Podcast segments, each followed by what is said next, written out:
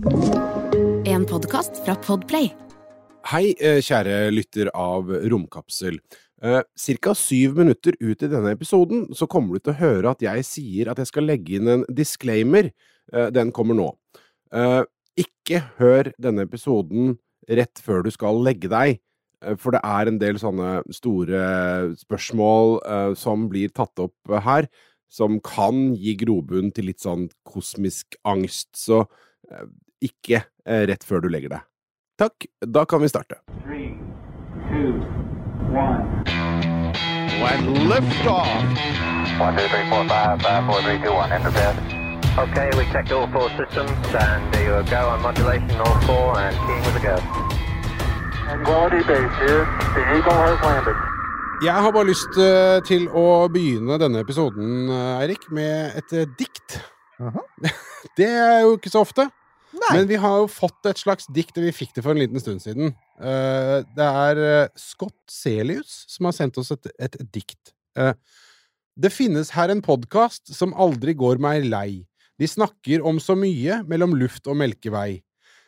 Så klart så finnes tema som er vanskelig å forstå, men sammen med dere blir veien lett å gå. Ja, sorte hull og aliens er stuerent hos meg, det hjelper gjennom tider med bratt og farlig vei.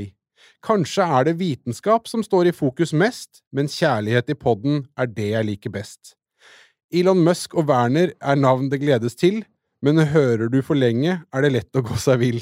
Kanskje ser vi aldri en mann som vandrer på en annen fremmed klode, hvem vet om det vil gå. Men da står dere alltid og guider oss på vei, dere er de beste, kjærlighet fra meg. Åh, Hæ?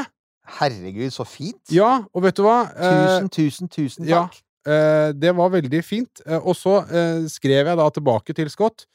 Tusen takk for verdens hyggeligste tilbakemelding, med smilefjes og hjerte på. Og dette, han sendte dette her i forbindelse med Det var sånn verdensdagen for psykisk helse. Ja. Eh, og så skriver han eh, God psykisk helsedag, da. Husk hva dere betyr hjerte. Dere gjør mye for den psykiske helsen til folk, og dere skal vite at det betyr så mye også for meg, hjerte. Alle trenger folk man kan høre på for å le og lære. Og vet du hva? Det, jeg ble litt fuktig i, i, i øyekroken av den meldinga fra Scott. Så det var veldig, veldig fint. Tusen takk. Det, tusen takk, Scott. Og han har helt rett. Uh, altså, det er jo en av de tingene som jeg gjennom mange, mange år da, så Jeg har jobbet med formidling av astrofysikk i, i fryktelig lang tid. Jeg veit jo at dette her er Altså, det er mange grublere der ute. Det er mye store spørsmål. Det er ganske mange som tumler med store spørsmål, både i livet sitt og i universet, som er opptatt av dette. Så, så jeg er veldig glad for å høre at vi lykkes med å nå fram da, på en fin måte. Mhm. Fordi uh, vi, Ja, vi veit jo faktisk at uh, av og til så, så, så blir det litt svært, og vi, altså, vi har jo da Scott er ikke den eneste som kommer til orde i dag. Dette er en sånn sending der deres spørsmål er det som driver sendinga. Vi har samlet opp spørsmål over litt lang tid, så hvis noen av dere har spurt om noe og ikke fått svar på lenge, så får dere det i dag. Og vår aller første spørrer, han har faktisk også en sånn derre stort spørsmål som han tumler med eh, på kveldstid, så vi kan jo kanskje bare starte med han. Ja, det var igjen, altså. Igjen. Jeg, jeg beklager at jeg er litt sånn uforberedt, for nå burde vi jo hatt eh, flaske med tung rødvin Ja! på dette her. Hans Petter Evenrud spør. Eh, spørsmål som kanskje kan virke litt dumt, men det har gnagd litt etter at jeg hørte en episode der Voyager ble omtalt. Når den ble sendt ut, ble den da sendt i en spesifikk retning? Kunne vi sendt den motsatt vei av der den går nå? Eller er det i hele tatt en retning i universet? Like før det er søvnløse netter nå. Nemlig. For det første, det er mange som, som spør inn til sender inn spørsmål som sier dette er sikkert et dumt spørsmål. Altså, dere kan, Det er helt greit at dere sier det, men, men det finnes veldig veldig få dumme spørsmål. Og, og igjen, dette er ikke Jeg er så glad for at du sier at, eh, at du eh, på en måte ikke avviste kategorien dumme spørsmål helt, for jeg mener jo at det finnes faktisk en del dumme spørsmål. det, det finnes dumme spørsmål, Ja. helt klart. Men vi får faktisk ikke veldig mange av dem, og Nei. dette er definitivt ikke et dumt spørsmål. Dette er egentlig et veldig smart spørsmål, fordi altså, Voyager-sondene de er jo nå på vei ut i hver sin retning, ut i evigheten.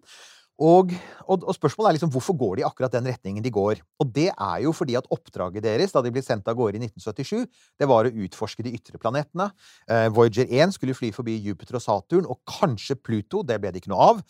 Eh, og da, men altså, fordi den skulle fly forbi Jupiter og Saturn, så ble jo retningen etterpå Den ble jo bestemt av omtrent der Saturn lå, ikke sant? på det tidspunktet da den fløy forbi Saturn, og det var vel 1981. Og, og, fordi at på det tidspunktet så hadde ikke Voyager-sondene noe mer brennstoff igjen, så de kunne ikke forandre kursen sin. Så det er helt klart en spesifikk retning, og den retningen er bestemt av de planetene som den fløy forbi. Voyager 2 fløy forbi Saturn, Jupiter, Saturn, Uranus og Neptun, og det er fremdeles den eneste sonden som har fløyet forbi Uranus og Neptun. Og igjen er bestemt av hvor eh, Neptun sto på det tidspunktet da Voyager 2 fløy forbi, og banen ble litt påvirket av tyngdekraften til Neptun. Og så har den fått en retning, og det er den retningen den har.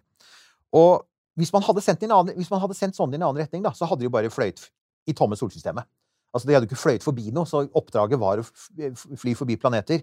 Så man hadde, man hadde jo ikke Altså, så god råd har ikke NASA. Nei, fordi her tenkte jeg på Det kunne vært det kunne vært et, et morsomt mission. Ja, ja. Bare tatt en sonde og så uh, pekt på liksom det, det, det minst sånn uh, Nemlig. Si, befolka, befolka sted, men, men bare altså Sånn derre total blåtur, da. Bare sånn dunk! Du, det hadde jo egentlig vært noe. Det høres Det ut som noe gøy. som eh, Elon Musk kunne ha funnet på, for å si det sånn. Bare på et sånt rent stunt. Ja, ja, ja, ja. Um, og så spør han jo, da, på slutten her, så spør han om, om, uh, om universet i det hele tatt har en retning. ja. Det er igjen egentlig et ganske dypt spørsmål, for um, Det er jo på en sånn religionspodkast, det der. Ja! Det er sånn, det er jo en ting som kosmologer, da, ja. som forsker på hele universet, har jobbet med i årevis, er Altså, Universet har ikke et sentrum, det er vi enige om, for liksom, universet utvider seg i alle retninger uansett hvor du ser. Men har, beveger universet seg i en bestemt retning? Har universet en bestemt retning? Og det viser seg at enn så lenge har man ikke sett noen spesiell retning på universet. Det ser Nei. likt ut i alle retninger. Allerede nå begynner jeg å få sånn Nemlig, eksistensiell og- kosmisk angst. Og der kommer du da til dette med søvnløse netter, og Mhm. da er mitt vanlige råd Hans Petter, og til alle dere andre også, ikke tenk på dette om kvelden. Jeg, aldri, jeg gjør det aldri. Tenk på det. altså Akkurat nå så ser jeg ut av vinduet, det er sol, og det er sånn nydelig høstdag. Dette er et veldig fint tidspunkt å tenke på og diskutere sånne spørsmål. Men når natten faller på, og begynner å tenke på universets uendelighet og, og alt som skjer der ute Nei. Ve- altså, eh, jeg har sagt Jeg sier det så mange ganger at det er sånn vondt i huet-greie. For at i det du sa at eh, universet utvider seg uh, i alle retninger Mm. Den derre Det, det paradokset der, universet er uendelig, men det utvider seg. Ja. Hva utvider seg i? ja. OK. Eh, sorry! Sorry! Eh, vi, burde, vi burde hatt en sånn. Vent, da. vent da eh, eh, Jeg setter et merke her. Vent, Et lite øyeblikk. Skal vi se. Jeg, kommer, jeg skal må bare legge en sånn liten disclaimer først, Ja. som sier at eh, her eh, kommer det ting Ikke hør på dette før du skal gå og legge deg. Ja. Ja, bare, OK. Sånn. bare det. Det var eh, redigeringsteknisk greie. Så, eh, mm, ja, takk, eh, Hans Petter Evenrud, for den karamellen der. Den kan vi sutte litt på. Uh, ja.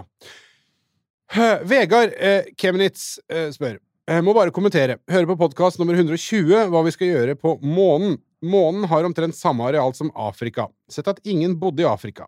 Dersom vi hadde sendt seks ekspedisjoner til Afrika og tatt mange bilder, noen steinprøver, sendt noen rovere som hadde skrapa på overflaten, og ikke funnet noe interessant, kunne vi da sagt at det ikke finnes noe interessant i Afrika? Det er jo for så vidt et poeng. Altså, månen er jo ikke veldig grundig utforsket av mennesker og rovere. Uh, og det finnes helt sikkert ting på månen, det, det tror jeg alle er enige om, at det finnes ting på månen som ikke vi vet om i dag, og som kan være interessante. Men det er jo én veldig stor forskjell på månen og Afrika, og det er at månen er Den har ikke luft, den har ikke vann, den har ikke jord, den har ikke skog. Den er helt naken. Altså, geologien på månen ligger helt åpen og bar for observasjon fra rommet, og da er det altså satellitter som går i bane rundt månen, og har gjort det i mange år, og som ser rett ned på månens overflate uten noen atmosfære imellom. Og det gjør jo at månens overflate er kartlagt i høy detalj og med masse, masse instrumenter som ikke bare tar optiske, altså sånn bilder i synlig lys, men også analysere månen eksempel med, altså med, ved hjelp av radioaktiv stråling, for eksempel. Men også radar og, og forskjellige typer lys, altså forskjellige deler av spekteret. Og på den måten så får man jo da faktisk kartlagt omtrent hver eneste kvadratmeter av månens overflate. Og da ser man sammensetningen, og det man ser er er, altså, det er litt kjedelig geologi, og det er, ikke, det er ikke vi som finner på det, det er jo geologer som sier det. Um, Fordi jeg ville aldri brukt det, de orda i dagligtalen. Ah, her var det kjedelig geologi. Nei, det er helt sant. Ja. Altså, for, vi kan ta et eksempel. Vi vet at det fins is på månen. Ja. Det er jo, og Artemis skal dra til månens sydpol, for at der vet vi at det fins is. Det, jo, det har jo ikke landet noen ekspedisjon og sett. Det har ikke vært noen rover der. Det, det har vi sett fra bane. Så vi kan altså oppdage is under månens overflate ved hjelp av satellitter i bane rundt månen. Og så er det jo den andre tingen som kommer inn der. Det, er at det handler jo ikke bare om hvor, altså hva slags stoffer som fins, og hvor mye som fins, men det handler om det er drivverdig. Altså om det rett og slett er økonomisk lønnsomt, eller om det i hele tatt gir økonomisk mening å utvinne det. Det er derfor for eksempel vi her nede på jorda er veldig opptatt av å finne metaller og mineraler samlet i gruver. Sant? Ja, i drivverdige forekomster. Drivverdige forekomster.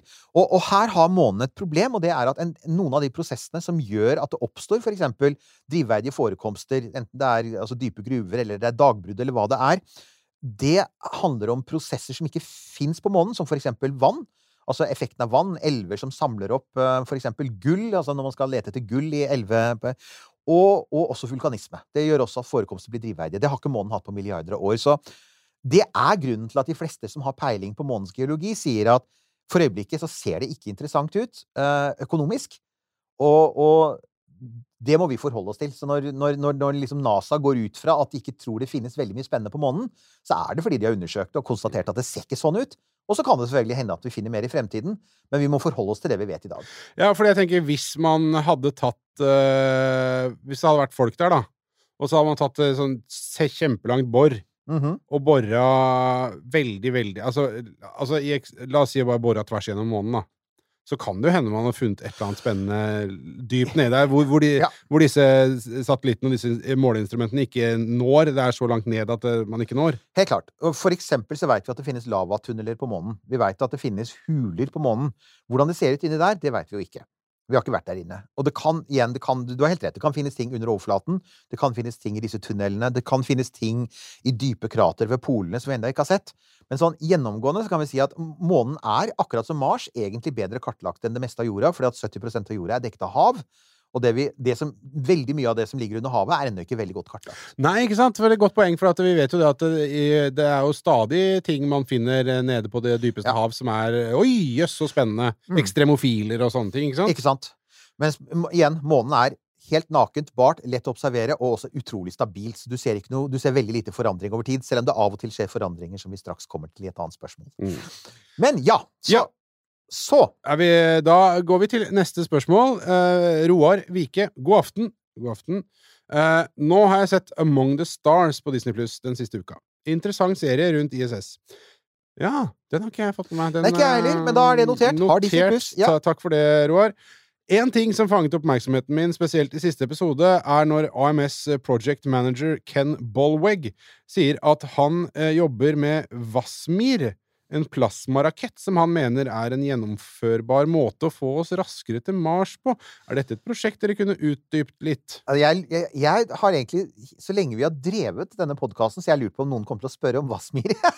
Så du har sittet og holdt på den hemmeligheten? Ja, ja, ja, ja. Og det er rett og slett fordi det er Altså, ja, Vi har da Altså, vi vi er glad i å snakke om akronymer her. Vi har jo hørt om det fantastiske akronymet VESLA for ikke så lenge siden. Ja.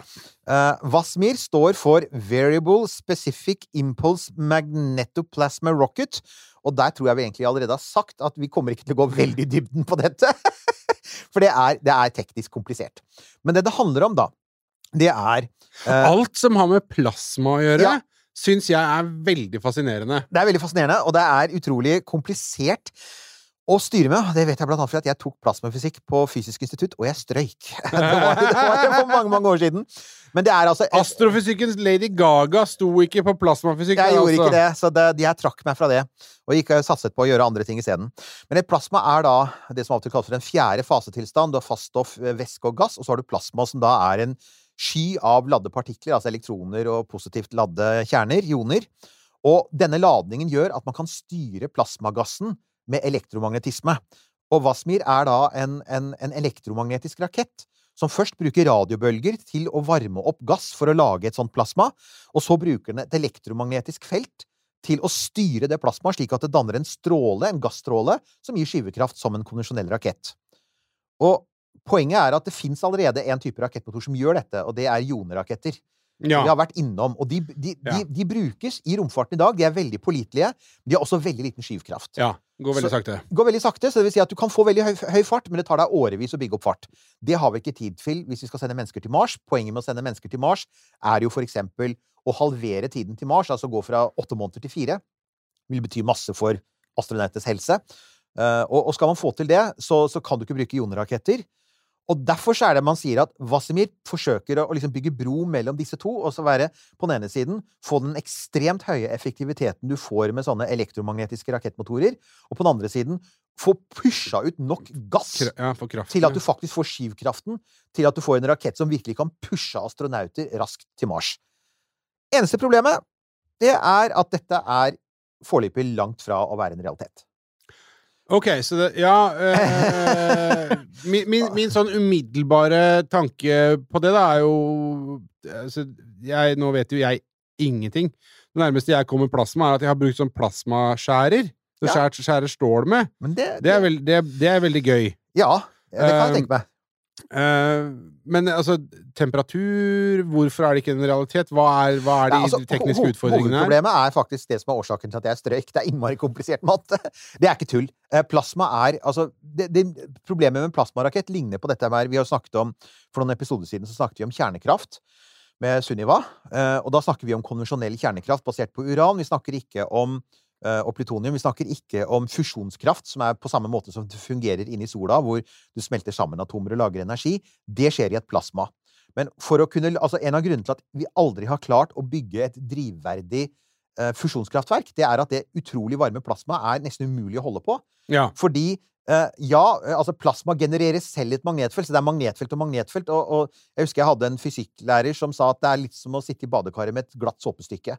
Du tror du har grep på plasma, og så skvetter det ut, og så fyker det ut et eller annet sted du ikke trodde, og så må du gjøre en justering. Så det er kjempeproblemer med å kontrollere plasma og holde det samlet og lagre den strålen. Og så er det den andre tingen er at dette til sjuende og sist er det er en elektrisk rakett. Du trenger altså elektrisk strøm for å generere Mm. radiobølgene som lager drivgassen din. Og effekten som kreves for å drive et bemannet romskip til Mars, jeg sjekka dette, er 200 megawatt. Det er et ganske stort kjernekraftverk. Ja. Det er, eh, det er cirka Altså, det er noe sånn som ja, hva er det for noe, 2000 ganger til 20 000 ganger større enn disse som NASA driver og bygger nå. Ja. Det er et mye større kjernekraftverk enn noen for øyeblikket tror at man kan bygge i lav jordbane. Og det er, så det man sier, er at det er nok på et eller annet tidspunkt, hvis man bare får kontroll på plasma og klarer å lage et kompakt 200 megawatts kjernekraftverk, så skal det vel være mulig, men det er fryktelig langt igjen. Og da går det på sånne ting som hvor mye penger får du til å putte inn i For at her må det puttes masse penger inn for å løse de to hovedproblemene. Først plasmaproblemet, og så energiproblemet. Ja, øh, ja for at nå, nå mista jeg da Hva er da fordelen med Fordel- denne, denne typen rakett? Fordelen er først og fremst at den er uhyre mye mer effektiv og kan potensielt for eksempel altså Noen har antydet at du kan kanskje altså, halvere tiden for eksempel til Mars For det går kjappere. fordi det går kjappere. Eh, andre tror at du kan få den enda mer ned, kanskje helt ned mot en måned. Altså, og da, har vi jo, da snakker vi om at vi kan reise frem og tilbake til Mars istedenfor å måtte vente i halvannet år til jorda og Mars igjen står i riktig posisjon til hverandre. Kan Så kan du reise frem og tilbake til Mars innenfor samme periode. Ja. Og da blir det å reise til Mars en mye, og, og for så vidt andre planeter, en helt annen skål. Det er klart, hvis du kan, hvis du kan reise fire-fem ganger fortere, så kan du begynne å tenke ikke bare på Mars, men på Jupiter. For det jeg kan si, da, er at der vi er nå, så kan vi i beste fall, med de kjemiske rakettene som alle går for, også Elon Musk I beste fall så kan vi reise til Mars. Men det er jo Ja. ingen som for øyeblikket tror at det er realistisk å sende mennesker f.eks. til en planet som Jupiter, eller enda lenger ut, med kjemiske raketter. Ja. Og da er det bare to alternativer. Det ene er kjerne, kjernekraftdrevne raketter, hvor du bruker varmen fra et kjernekraftverk til å gjøre en gass veldig varm og spruter den ut. Det veit vi funker, for det har NASA testa. Og det andre er å generere eh, denne plasmaskyen ved hjelp av elektromagnetisme. Eh, og, og der for, fordelen du har med i utgangspunktet med Wassemir, er selvfølgelig at du kan i prinsippet generere den strømmen du trenger med solceller, men du kan ikke det. Du må ha kjernekraftverk, så du slipper ikke unna uran uansett. Ok, så, Men eh, her, det, det man da har med Vasimir, så vil man da ha et framdriftssystem som har en helt eh, astronomisk, eh, pun intended, eh, Mm. i, førstekosten, altså initial cost, Ja. eh, det å, til å utvikle det. Men når den jobben først er gjort, så har man på en måte tidenes arbeidshest. Helt riktig. Og, man, og, og hvis man da ser på realismen i det, så kan man si se på de programmene som fins i de store romorganisasjonene nå. Det er vel egentlig det store spørsmålet. Er det sånn for eksempel at Kina putter mye i Wasimir og dessuten i så store og kraftige kjernekraftverk i rommet? Nei. Mm, mm. Gjør NASA det? Nei. Gjør SpaceX det? Definitivt ikke. De sliter nok med å få Raptor, som er en klassisk kjemisk rakett, til å fungere. Så det er ingen av de store kommersielle, og det er heller ingen av de store statene som for øyeblikket har et sånt virkelig aktivt program på dette. Men at teknologien kan fungere, det er det ingen som tviler på. Så dette er et veldig godt eksempel på sånn innafor kjent fysikk. Dette, Mm. dette, det vil nok funke. Det er bare at her kommer vi tilbake, som så ofte før, til ja, Som for så vidt med hva som er drivverdig på månen. Ja. Det kan hende det fins noe kult på månen, men er det gir økonomisk mening å gjøre det, eller kan man like gjerne bare bruke kjent teknologi, så tar det litt lengre tid, og så kommer man fram uansett. Ikke Mm, sant? ja. Så det er, det er litt det det koker ned til. Igjen så koker sånne gøye ting ned til realisme, da. Det Ja, er jo That's a drag. That's a drag! Ja. men Det er det som gjør dette her sånn Av og til så blir vi en sånn veldig sånn voksen og kjedelig podkast. Sånn Nei, dette her var ikke kjedelig. Dette her var veldig, veldig gøy. Ja, ja. Ok. Sånne ting er jo kjempemorsomt. Ja. 1202. Ok, Kjell Ove Jensen. Hei sann. Takk for en eh, helt super podkast. takk for det, Kjell Ove. Eh, et spørsmål. Ser på Armageddon nå. Igjen og igjen den går, altså. Ja. Ja, ja. Ja, eh, mm, det er, nå holdt jeg nesten på å gjøre det. Jeg skal ikke gjøre det. Nei. Synge. Eh, romfergene skytes opp eh, med bare noen hundre meter fra hverandre. Ville det gått bra i virkeligheten? Jaha, det, det, den er morsom, for de, de gjør det samme i Don't Look Up. Jeg, jeg var akkurat på det bildet der fra, Ja. fra Don't Look Up. eh, Jeg måtte ja. faktisk dobbeltsjekke, for gjør de det i Armageddon? Ja, de gjør faktisk det. Han har Ja, helt rett. Du to- har det i Armageddon nå. Der har du to. Ja. I, I Don't Look Up så har du en haug. ja. Um, det er, jo, det, er jo, det er jo to hovedgrunner til at NASA har en solid sikkerhetssone rundt uh, oppskytingsplattformene sine, sånn som LC-39. Eh, og den ene er selvfølgelig faren for at noe eksploderer. Hvis Mhm. noe eksploderer på oppskytingsplattformen, så er eksplosjonen så kraftig at alt innenfor en radius på hundrevis av meter, antagelig kanskje en kilometer eller to, eh, kan bli rammet av fragmenter og ikke minst sjokkbølgen. Så det kødder man ikke med, og derfor så har man en sikkerhetssone. Men det har man uansett av en annen grunn, og det er, um, det er faktisk støynivået. Altså, raketter er så kraftige, for eksempel romferja maksa ut på 194 desibel. Ja.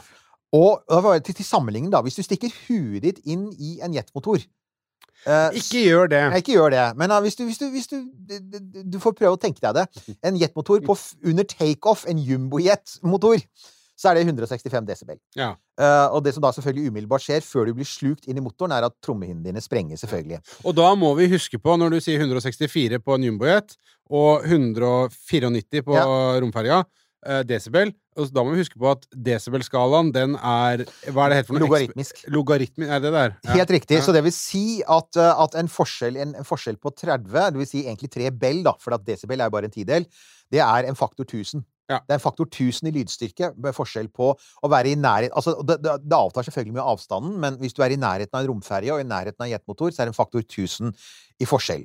Og, og det, dette er en ting som sikkert mange har sett, er at når du skyter opp eksempel en stor rakett, eksempel romferja, så ser du at det pumpes masse vann ned ved der hvor rakettene tennes ned i den der betonggropa. Ja, der hvor de legger James Bond. Der hvor de legger James Bond. Ja. Det er ikke fordi at man er redd for at altså, temperaturen fra flammene skal få ting til å begynne å brenne Nei. eller sprekke betongen. Eh, For eh, raketten tilbringer så lite tid der at det er ikke det som er poenget. Det, det som er poenget, er at det, det vannet demper lyd. Ja. Sånn at vannet, eh, altså veldig mye av lyden, altså ca. 50% av lyden som utvikles f.eks. ved en romferjeoppskyting, den ble fanget opp av det vannet som fosser ned i gropa. Og det i sin tur var viktig, fordi at det man ikke ønsket, var at lyden skulle reflekteres fra oppskytingsplattformen og slå tilbake på motorene. ja. For at hvis 194 desibel treffer sensitiv mekanisk og elektronisk utstyr, så går det i stykker. Vibrerer i stykker, De da. vibrerer i stykker. Ja. Og, og dette her er da Så man er veldig klar over at rett og slett lydbølgene fra disse rakettene kan gjøre stor skade. Og så kan man si ja, men noen hundre meter Ja, altså, folk som pleide å stå og se på romferjeoppskytinger, da og vi, Det er jo det de bruker i Armageddon, Armageddon, så det er en rimelig sammenligning.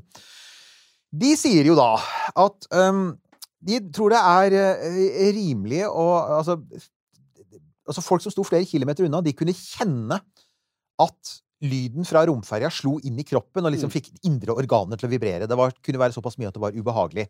Og hvis det er en kilometer eller to unna, så kan vi bare tenke oss hva det kunne gjøre for en rakett som står 200 meter unna, for eksempel, som det ser ut som i filmen. Mm. Så det er den andre grunnen. NASA ville ikke gjøre det, for de ville ikke ta sjansen på at en sånn stor brennstofftank, som i tillegg er et sånn resonanskammer, det er jo en annen ting, at det skulle kunne stå og få noen sånne svingninger som kunne få ting til å riste løs. Og det, igjen, det kommer vi til litt seinere i denne sendinga. Vet du hva, jeg syns det, det er veldig, veldig gøy at noen At noen tenkte på det.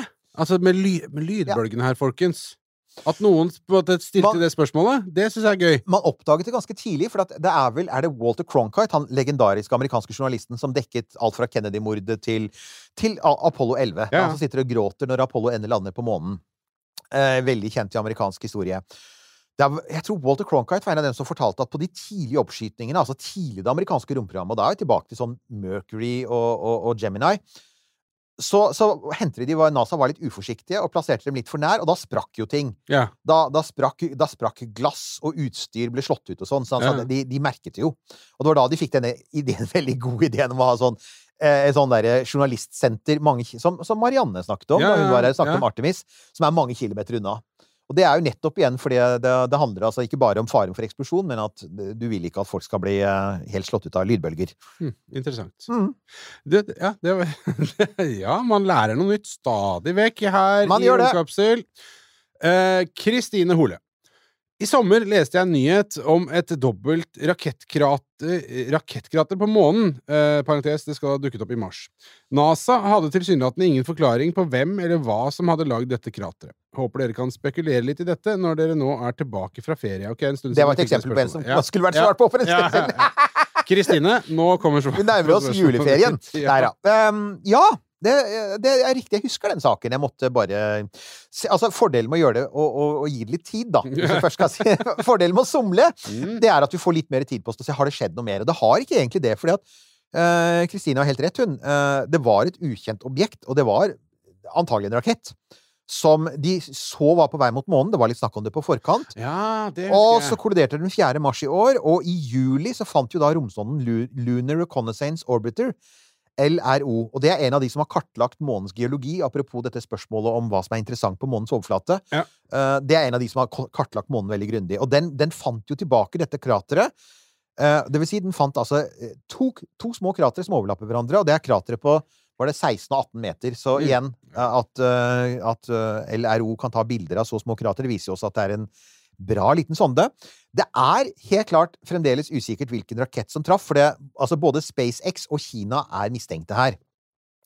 Det de, det de sier som er litt spesielt, da, det er jo at det er to kratre som overlapper hverandre. For at det er ganske mange raketter som har falt ned på månen, blant annet under Apollo-programmet, så datt månelandingsfartøy og Saturn-trinn datt ned på månen, og de kraterne har man i stor grad funnet igjen. Og de kraterne er stort sett avlange, altså ett krater, eller runde, litt avhengig av hvilken vinkel raketten treffer i. Men her er det altså to. Eh, og det tyder på at det som traff månen, hadde ikke helt den samme vektfordelingen som en typisk rakett. For et typisk rakettrinn har veldig mye av massen nær rakettmotorene. Det er rakettmotorene og trykkamrene og alle ikke sant? Altså turbinene og generatorene og alt det som trengs. Det er stort sett det som utgjør mesteparten av vekta i et rakettrinn, så det er veldig sånn båndtungt.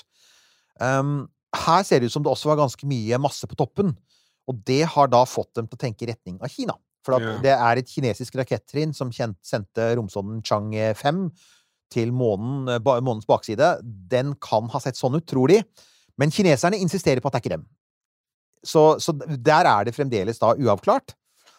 Uh, og ideen... Ja, og så tenker jeg at det er Altså, hvis man tenker på Kina, da, så ser jeg for meg Det er jo ikke noe Det er ikke en sånn umiddelbar grunn, som jeg ser nå, i hvert fall, til at de skulle skal det. Det er, ikke det er et godt poeng, egentlig. si noe om det. Altså, for at det, det, det rammer jo ikke noen mennesker, det rammer månen. Og, men altså, så der står saken akkurat nå, Kristine. Det vi kan si, da, er at denne saken løser seg vel den dagen noen lander på månen, besøker dette krateret, og så plukker de opp noen sånne der metallbiter, og hvis du da ser at det er sånn derre 'Designed in California by humans', eller en liten logo av uh, Elon, eller det er kinesiske tegn, da veit vi hvem som er. Eller nordkoreanske. Ja, eller nordkoreanske. Å, å, å, jeg vet, jeg vet hva du tenker på. Ja, ja, Oh, yeah. vi, mm, vi skal Mm, mm. holde fred om det nå. Vi skal holde fred om det nå. Ja. Kan hende ikke, Ikke- alle er oppdatert på det. Men uh, nå, i hvert fall. uh, det, det var det. Det er gøy. Uh, I så fall så blir Artemis en fryktelig dyr eh, episode av CSI. Ja. Så jeg håper de har andre ting de har tenkt å gjøre også. Christian Bredvei Melby. Hei, gutter. Hei, Christian. Jeg leste at Apollo-programmet slet med vertical flexing eh, under oppskyting. Eh, er dette fortsatt et tema med Starship pga. størrelsen på raketten? Det der, der Men fant ut at det, det så jeg på eh, Første gang jeg hørte om det, den derre pogoinga, Mm. var eh, så en dokumentar om Ja, det var Apollo 13. Eh, nå nylig. Netflix-sak. 13 Things That Et eller annet sånt noe. Apollo 13. Saved Apollo 13, var det vel? Ja. Ja, det, der tok de opp dette her pogoing-greiene, som er utrolig fascinerende. Det er det. altså. Og, og pogo er jo sånn altså Pogo-stick er vel sånn hoppestav. Ja, hoppestokk. Så, hoppestokk, ja. Så, så, så det er jo rett og slett det som man sier, det er vertikalt. Det er ikke fra side til side, men det er i, i lengderetningen, hvilket vil si at eh, astronauter som opplevde det, og Pogo var et problem med Saturn 5 stort sett hele veien, men det var liksom grader av hvor alvorlig det var. Og da kunne du oppleve at du liksom blir sånn De sitter jo på rygg, og, og, og, ansiktet og kroppen peker oppover. Så når da hele raketten rister i vertikalretningen, så betyr det at du hele tiden føler at du blir slengt opp mot stroppene som holder deg, og så kastet ned igjen. Veldig ubehagelig.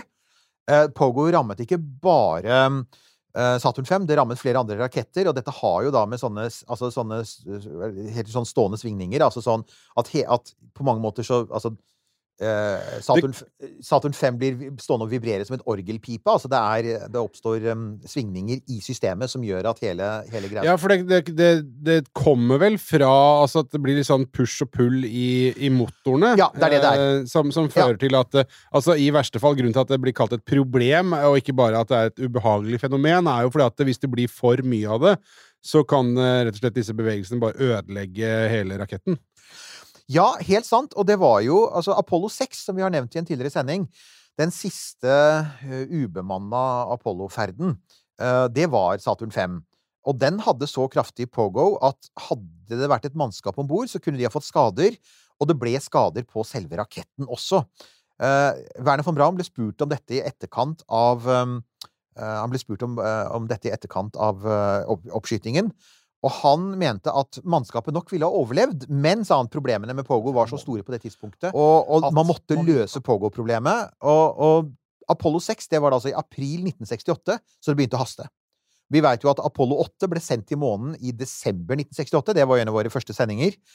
Så vi vet, Og Apollo 7, da, som var- kom imellom, skulle skytes opp med en Saturn 1B, lillebror til Saturn 5, og den hadde ikke det samme problemet på samme måte. Så det var Saturn 5 som var, eh, var problemet, og det måtte løses så fort som mulig. Og det er da NASA gjør dette legendariske grepet med å si 'vi setter 1000 ingeniører på saken'! Og så lager de en Som bare er sånn Ja, vi har, eh, vi har 1000 folk som jobber på det. Som er sånn man sier, ikke sant. Hvis det er, så i i realiteten så er det fire. Men uh, det er jo en grunn til å tro at NASA faktisk ikke At de faktisk hadde 1000. Ja, ja, ja. De hadde jo det, og de ladet da noe som het The Pogo Working Group. Og allerede, altså, Den ble nedsatt i april-mai 1968. Allerede i juli så hadde de en løsning. For det de hadde funnet ut da, var at som du sier, det, det skyldtes ujevn forbrenning av, av, av F1-motorene. F1-motorene var de som satt i første trinnet. Fem gigantiske motorer. Mange mener de er verdens kraftigste rakettmotorer, selv om det er litt sånn diskusjon rundt det. Men det er i hvert fall noen av verdens kraftigste rakettmotorer. Og om man noensinne har sett en F1, så skjønner man hvorfor. De er helt overveldende. Og, og når en av disse fem motorene brant litt annerledes, hikka lite grann, så, så merke, ble det merka veldig godt i hele raketten, for det var tross alt bare fire andre motorer som kunne kompensere. Og dette skjedde helt spontant, så man rakk jo ikke å kompensere for det heller. Og dette skyldtes visstnok at det oppsto et delvis vakuum i disse rørene som fraktet brennstoff og flytende oksygen til motorene. Så det var faktisk brennstoffrørene som sto og rista, og det gjør det jo enda skumlere. Mhm. Det er ikke engang selve, det er ikke engang selve ytterskallet, det er faktisk brennstoffrørene som står og vibrerer. Og hvis du tenker på det, alle som har vært borti en Vel, altså, det, det, det er lett å tenke seg, hvis du har en bensindrevet motor med, med høy temperatur, og du ser at det er brennstoffledningen som står og vibrerer og holder på å ristes løs, så, så blir du bekymra. Ja, det er jo ikke optimalt. Det er ikke optimalt. Nei. det er ikke det. Man fant en løsning, og det var å pumpe helium inn i dette rørsystemet før, man tente, før han tente på eh, motorene. Og det gjorde at gassen fungerte som en støtdemper. Det vil si at Pogo-problemet ble ikke helt borte. Igjen, astronauter kjente det seinere, men det ble kraftig dempet, og det var ikke lenger så alvorlig at, eh, at det truet raketten eller astronautene. Det var, men det var hva som skjedde med Saturn 5. Jeg har Ja, ikke klart å finne noe klart spørsmål på, på det Christian spør om eh, når det gjelder um, Starship. Starship. Og det er jo ikke så rart, for at nummer én, det er SpaceX, så de trenger ikke å si noe om det. Dette var, det, Pogo var et velkjent problem i NASA. Uh, det ble drøftet i amerikanske medier. Det, det, det, det for, forsvant lite grann i um, Altså, dette, var jo, dette skjedde Apollo 6 skjedde samtidig med at um, Martin Luther King ble myrdet. Mm. Så derfor så var amerikanske medier veldig fokusert på hans uh, dødsfall. Og derfor så var det lite oppmerksomhet rundt alle problemene av Apollo 6. Men det var offentlig. Uh, SpaceX er ikke offentlig. Um, men jeg kan våge meg på et svar likevel, da. Ja, kom igjen. Ja, Saturn 5, igjen, første trinnet, også kalt S1C, det ble drevet av fem store motorer F1. Starships Super Heavy drives av 33, er det siste jeg har sett. 33 de driver og flytter litt på det hele tiden. 33 små motorer. Så hvis, altså hvis én av fem motorer begynner å hikke, Mm. begynner å hakke under oppskyting, så er det mye mer merkbart på hele systemet enn for eksempel én av 33 gjør det samme. Ja. Da vil det være en, en, måte en, en bitte liten vibrasjon som bare går opp, i en, går opp i en helhet. Ikke sant? Det er nettopp det. Altså, I stedet for å påvirke 20% av løftekraften din, så påvirker det noe sånt som 3% av løftekraften din. Mm. Det er en betydelig forskjell. I tillegg så har du selvfølgelig mye mer avanserte styringssystemer enn man hadde på 60-tallet. Alt er datastyrt i dag, så du kan finjustere skivkraften skyvkraften i rakettmotorer mye bedre. Og, og så jeg, jeg vil, mitt, mitt råtips er at man vil ha veldig lite pogo-problemer med Starship. Men nå er det jo ikke skutt opp ennå!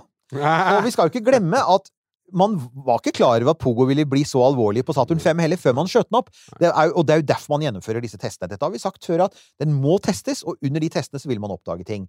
Og jeg er helt sikker på at man kommer til å oppdage mange feil, men jeg er villig til å, å, å gjette på at eh, Pogo vil ikke være hovedproblemet. Det vil være andre ting Nei, som er det er vel kanskje andre ting som, eh, som er viktigere, ja, Ja. enn en akkurat, eh, akkurat det der. Litt jokking. På, på, på dette tidspunktet så tror jeg ikke det er nødvendig å si at dere hører fremdeles på podkasten Romkapsel. Jeg, siden du nevnte Pogo Working Group, så har jeg bare tenkt på Pogo Pops, jeg. Ja, nemlig! There's a man inside Du, ja, my head. Men hva Altså, jeg, alltid, jeg kjenner jo godt til det, men jeg har aldri bare tenkt på hva det navnet kommer av. Nei, nei, altså, det er jo det kommer, Petter, er det Petter Pogo han het? Altså, er ikke det Nei, det er Jokke Petter Pogo. Er fra Jokke det er Jokke, det, ja! Ja, eh, Pogo Pops. Det var ikke det han eh, Jeg lurer på om det var, det Frank Hammersland? Ja, Ja, det var det, ja. vet. ja jeg, jeg mener at det var eh, Men jeg husker Pogo Pops. Det var jo 90-tallet en gang. Var Jeg husker det godt. Strål, ja, ja. Strålende norsk eh, pop, poporkester. Det var mye bra. bra på 90-tallet. Ja, er du gæren. Er du gæren. 1202. Ok, vi snakker litt om musikk innimellom her i Romkapsel også, men det er fremdeles altså uh, den podkasten du hører på som uh, svarer på spørsmål som du uh, kanskje, kjære lytter, har sendt inn til oss. Og nå er det Jon Garman eh, Orrestad som har sendt et spørsmål. Hei igjen, og takk for fin podkast. Takk, Jon Garman. Et kjapt spørsmål dere kan ta med en gang det passer. Ja, det passer jo veldig bra nå, da. Ja. I sesong to av For All Mankind Vet du hva, jeg liker eh, referansen der allerede. Fin serie. Fin serie. Hvis du ikke har sett den, eh, bodd under en stein eller sittet i fengsel eller et eller annet sånt, nå, se den. Ja, For All uh, Mankind er Ja, fantastisk. veldig bra. Wow. Uh, uh, I sesong to av For All Mankind flyr man romferja Pathfinder til månen uten hjelp av rakett som første trinn. Den løftes høyt opp eh, på ryggen av et fly og tar siste del av veien ut i rommet selv ved hjelp av atomreaktor eller atomreaktormotor, atomdrevet. Ja. Mm. Antar det er en grunn til at man ikke gjør dette i virkeligheten. Kan dere si noe om hvorfor dette ikke er mulig? Er det risikoen med å sende opp radioaktive stoffer som hindrer det, eller finnes det andre grunner til at en slik løsning ikke er mulig med dagens teknologi? Eh, så har vi vel vært litt innom eh, årsaken til at eh, det ikke er mer atomdrevne ting. Ja, så du kan si med en gang, selvfølgelig det, det- det hjelper ikke på prosjektet å drive og sende atomdrevne ting opp i verdensrommet. Det er noe så, men, men vi kan vel uten å spoile for mye si at i dette For All Mankind-universet så er det mye mer naturlig. Det er et mye sånn røffere våpenkappløp der oppe, og det virker mye mer naturlig å sende atomteknologi opp i den alternative historien enn det er i vår verden. Vi har vært mye nøyere på å ikke ha atomteknologi i rommet enn de åpenbart har vært, da. Ja, og så, ja, for der har de jo også Der har de jo atomreaktorer på månen. Og, Ja, ja, ja. De, er, ting, De, så de, er- de, tok det steget mye, Men mye der har de vel også, eh, i den måte andre virkeligheten som er i eh, For All Mankind, så, så er det jo også et eller annet med forskning og utvikling som har kommet en god del lengre, for de driver jo med ganske mange andre ting, blant annet dette med helium-3 og så videre, som, som er en reell kilde som man bruker aktivt, og, og på en måte Mm. også, det snakkes jo også om det grønne skiftet som har kommet mye lengre i, på et Ah. tidligere tidspunkt, da. Jeg synes det er En av de morsomste tingene der er de får til fusjonskraft, som vi nå nylig sa. det de- ikke, ja. og, og helium-3 er egentlig perfekt for fusjonskraft, for det gir veldig lite sånn strålingsproblemer. Eh, og månen blir så og, og, altså, det, det, For så vidt dette spørsmålet dekker jo da de to foregående spørsmål, for det i, i, i dette eh, For All Mankind-universet så er også helium-3 så drivverdig. Ja. Det er så konsentrert på overflaten at det faktisk er Det utkonkurrerer fossil energi på jorda. Igjen, det er ikke helt utenkelig. Altså, er, sånn som det ser ut nå, så ser det ut til at det er litt for lite helium-3 til at dette egentlig er lønnsomt. Men der er vi ikke 100 sikre. Der må vi nok grave litt mer. Eh, men hovedproblemet i dag er jo selvfølgelig at vi har ikke kraftverkene som kunne bruke helium-3. Fusjonskraft har stått på stedet hvil veldig lenge. Men eh, det han spør om her, da, om, om man kan gjøre det til virkeligheten, og det enkle svaret på det er ikke, ikke egentlig. fordi for å komme seg til månen så trenger du ganske mye brennstoff, uansett om du bruker kjemiske raketter eller atomdrevne raketter. Og det så vi jo blant annet med Altså med Saturn 5, da. Altså det tredje trinnet som eh, kunne skyve, var det 45 tonn til månen. Det var et ganske svært trinn som trengtes for å skyve 45 tonn til månen. Romferja, den, den, eh, den, den konvensjonelle romferja veide vel 110 tonn, tror jeg, når den var tom. Og her har vi en, romferje som er enda tyngre, så du hadde trengt et ganske stort trinn, enten det var atomdrevet eller ikke, for å skyve noe så tungt til månen. Så at det ikke har noe der, det gir, ikke, det gir faktisk ikke mening. Og det er mange som har påpekt at der, der, har, de, der har de liksom Der har de skødda litt. Men, men hovedproblemet er nok at de sender et romskip med vinger, landingshjul, halefinner Altså styringssystemer for et romfly helt til månen, hvor det er helt verdiløst. Ja. Så det var Altså, fra man bygde romferja, den ekte romferja, eh, begynte å bygge den på, tidlig på 70-tallet, så var det aldri noen tvil om at den skulle ikke ut av lav jordbane. Den var helt verdiløs utenfor lav jordbane, fordi den har så, så mye av massen. Sant? Kanskje 20-30% av massen er knyttet opp til at den er et fly. ja Og da er det lande, ja. ren dødvekt. Mm. Og det har ingen verdi på månen, og i, i rommet er man veldig opptatt av å bli kvitt dødvekt. Så hovedargumentet mot at det ser ut som det gjør i For All Mankind, og som mange har reagert på, er at man sender noe med vinger hele veien til månen, når det hadde vært mye lettere å rett og slett bare eh, bruke romferja opp i bane, bytte via en romstasjon, og så ta et, et dedikert månefartøy videre. Ja, som, ja, ja, som, ja. mm. Og det vi ser det på, da, er jo Dette, dette er ikke bare i For All Mankind. Um, du, vi har jo sett, vi har jo snakket om dette en del ganger nå, men vi kan jo nevne det igjen. Det skal jo landes et Altså, SpaceX skal lande sitt Lunar Starship på månen i løpet av noen år. 2025-2026, forhåpentligvis. ja. Ish, ja, nemlig. Mhm. Veldig ish. Eh, de har jo igjen de, Vi har jo nettopp hørt dette med spørsmålet om, om Starship. SpaceX slipper ikke veldig mye informasjon om det de gjør. Vi vet fryktelig lite om Lunar Starship. Alt vi har, er noen konsepttegninger og noen litt sånn løse uttalelser fra Elon Musk. Men de konsepttegningene viser helt tydelig at disse her styreklaffene, disse her fire korte vingestubbene som ligger sitter oppe ved nesa nede ved halen, de fins ikke på Lunar Starship. Så selv på Lunar Starship, altså selv det, da, og disse klaffene er ganske små. De er mye mindre enn romferjas vinger, fordi at Starship var ikke ment å lande som et fly, så den har ikke landingshjul, den har ikke noe hale. Den lander jo vertikalt på halen, den, ikke sant? Mm. Um, uh, det, altså, det at man selv, selv der tar bort de ganske små vingeklaffene, forteller hvor viktig det er å strippe vekk all unødvendig masse når man skal til månen. Og selvfølgelig er det enda viktigere når man skal til Mars. Så eh, det bekrefter egentlig det samme, og det er at alle som jobber med virkelig sånn raketteknologi, de er fullstendig klar over at du, du sender ikke et fartøy med vinger til månen. Det er bare bortkasta masse. We do rockets here, boy. We don't do airplanes. Det høres ut som et veldig bra sitat. Hvor Jeg, jeg, vet ikke. Nei, jeg, Ja, det høres veldig bra ut. jeg Jeg- støtter deg på det hvis, hvis ikke det er fra en bra film, så høres det ut som det er fra en bra film. Burde den filmen lages? Den filmen burde lages. Ja, noen må ta grep. Hollywood are you listening? Eh, Kenneth Og apropos det. Ja, Kenneth Torvik spør Eh, hei igjen. Sikkert et dumt spørsmål. Det har vi vært inne på at uh, antageligvis ikke. Du får svar på det, Kenneth, så det var ikke dumt. Men vi ser jo på filmer fra Hollywood. Uh, sikkert kilde. Uh, smilefjes med tårer. Når man reiser langt nok fort uh, Når man reiser langt nok fort nok, så eldes de på jorden ulikt med de som reiser i rommet. Mm. Vil det skje kun når man beveger seg fort nok, eller skjer det også når man oppholder seg på en planet? Skjønner eh, kanskje litt av reisen kan virke inn, men når man er i ro Altså dette, det, vi har jo vært eh, inne på dette noen ganger. Altså, altså Reiser man nær lyshastigheten, så vil, eh, så vil tiden om bord i skipet gå langsommere for dem som er om bord i skipet, sett, relativt sett for de som er på, tilbake på jorda. Altså, de som er om bord i skipet, opplever at tiden går som normalt, men de som er på jorda, ser at de eldes mye langsommere. Det er det som da kalles for tidsdilatasjonen, eller tidsforskyvningen.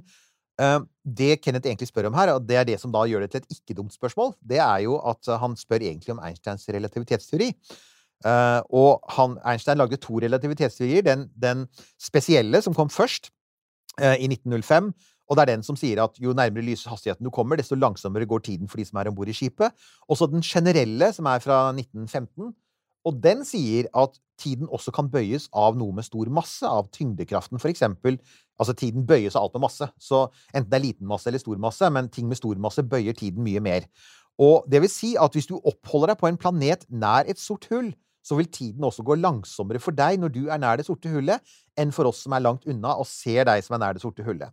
Dette har altså da vært brukt i en helt konkret film.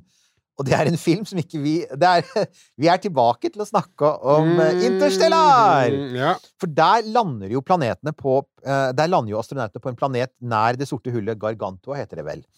Eh, og, det, eh, og de eldes jo langsommere enn man gjør på jorda. Og der er det altså fysikeren Kip Thorne, legendarisk eh, eh, teoretisk fysiker. Han var rådgiver på filmen. Og det svarte hullet Gargantua er i stor grad designet av han, så vi får jo gå god for det han sier der. Så han sier altså da, og, og fysikken sier, at øhm, det øhm, Kenneth lurer på, kan man også eldes langsommere hvis man bare er i ro på en planet? Ja, det kan man, hvis den planeten går i tett bane rundt et svart hull. Og da er jo min oppfølging der til Kenneth sitt spørsmål er jo eh, Altså, i Vi vet jo at dette er ting som skjer eh, Det, det skjer jo, altså hvis man er eh, Altså, det det er en Bare du tar et fly, så er det jo litt forskjell i, Ja. i tid. Helt riktig. Men Altså- det er så lite at Mm. det er ikke noe du trenger å Og det er jo noe ingen trenger å tenke på. Hvor fort, eller hvor stort må objektet være for at dette her skal bli noe som man kan på en måte legge merke til, da? Altså, du legger Altså, vi legger jo ikke merke til det sånn rent med, med, med våre egne sanser, men vi legger merke til det indirekte ved for eksempel at satellitter som går høyt oppe, langt unna jorda, påvirkes av to ting. Det ene er at de beveger seg raskt, hvilket vil si at de, tiden går litt langsommere for den enn, for oss. Og det andre er at de er lengre unna jordas tyngdesentrum, og det gjør at eh, tiden også faktisk Tiden går litt fortere for dem relativt i forhold til oss. Vi er lengre nede. Og dette er et helt konkret eksempel uh, i hverdagen på eh, er GPS-satellitter. GPS Stemmer. er helt avhengig av altså GPS er helt avhengig av ekstrem presisjon. Og presisjonen er så høy at man faktisk må ta hensyn til Einsteins generelle relativitetsteori og forskjellen i avstand fra jordas sentrum for oss mennesker på overflaten og GPS-satellitten som ligger mange tusen kilometer i bane over oss. Så dette er, ikke, dette er ikke bare en løs teori, dette er faktisk noe som hver gang du åpner, telef altså gang du åpner telefonen din og fisker fram et kart, så slår faktisk Einsteins generelle relativitetsteori inn med en gang. Så det er også litt sånn uh, morsomt. Jo, det, men, det, men da men, eh, Ok, og det er jo greit nok, men uh, Men merkbart for men oss. sånn merkbart, jeg tenker sånn at hvis du, du, du, hvis du har vært uh, i et romskip uh, i et år, Ja. og så kommer du ned, og så ser du at alle dine jevnaldrende Da- har, har, blitt senile på en måte fordi de har blitt uh, så gamle. Ja, da er det nesten lyshastighet eller svarte hull som gjelder. Og der er vi jo veldig langt unna sånn rent teknologisk. Men, men at det er mulig, er det ingen tvil om. Så det er, der, der er alle enige. Det er bare at for øyeblikket så har vi ikke teknologi til det, og disse svarte hullene som vi eventuelt må være nær for å få den effekten, ligger fryktelig langt unna. Ja, og så vil du ikke være nær de. Nei. Og, du har, og så, det finnes, så finnes det 50 grunner til at du ikke vil være nær dem. Men eh, det, altså, du, det, det, du kan, det er jo da enkelte som har påpekt at den der planeten rundt det svarte hullet Gargantua Interstellar, Ja. den uh, ville vel antagelig bli spagettifisert eller bestrålt, ja. eller hva, hva, hva søren. Eh, men eh, som vi jo alle vet, eh, dere som lytter på denne podkasten, det er ikke hovedproblemet med Interstellar. Og, eh, Og med de kontroversielle ordene tenker jeg at vi skal runde av for Da eh, i dag. Kjære ørevenn, takk for at du har hørt på Romkapsel uh, Ja. igjen. Uh, Facebook, der er vi. Vi sier det samme på hver tamp av hver episode. Romkapsel.no for eh, T-skjorter. Og Insta, Romkapsel. ja, ja, mm. Og takk til alle som eh, helt frivillig eh, støtter oss på Vips, eh, Romkapsel, Newt og Halvorsen. Så høres vi neste gang du trykker på play. Du har hørt en podkast fra Podplay. En enklere måte å høre podkast på. Last ned appen Podplay, eller se podplay.no.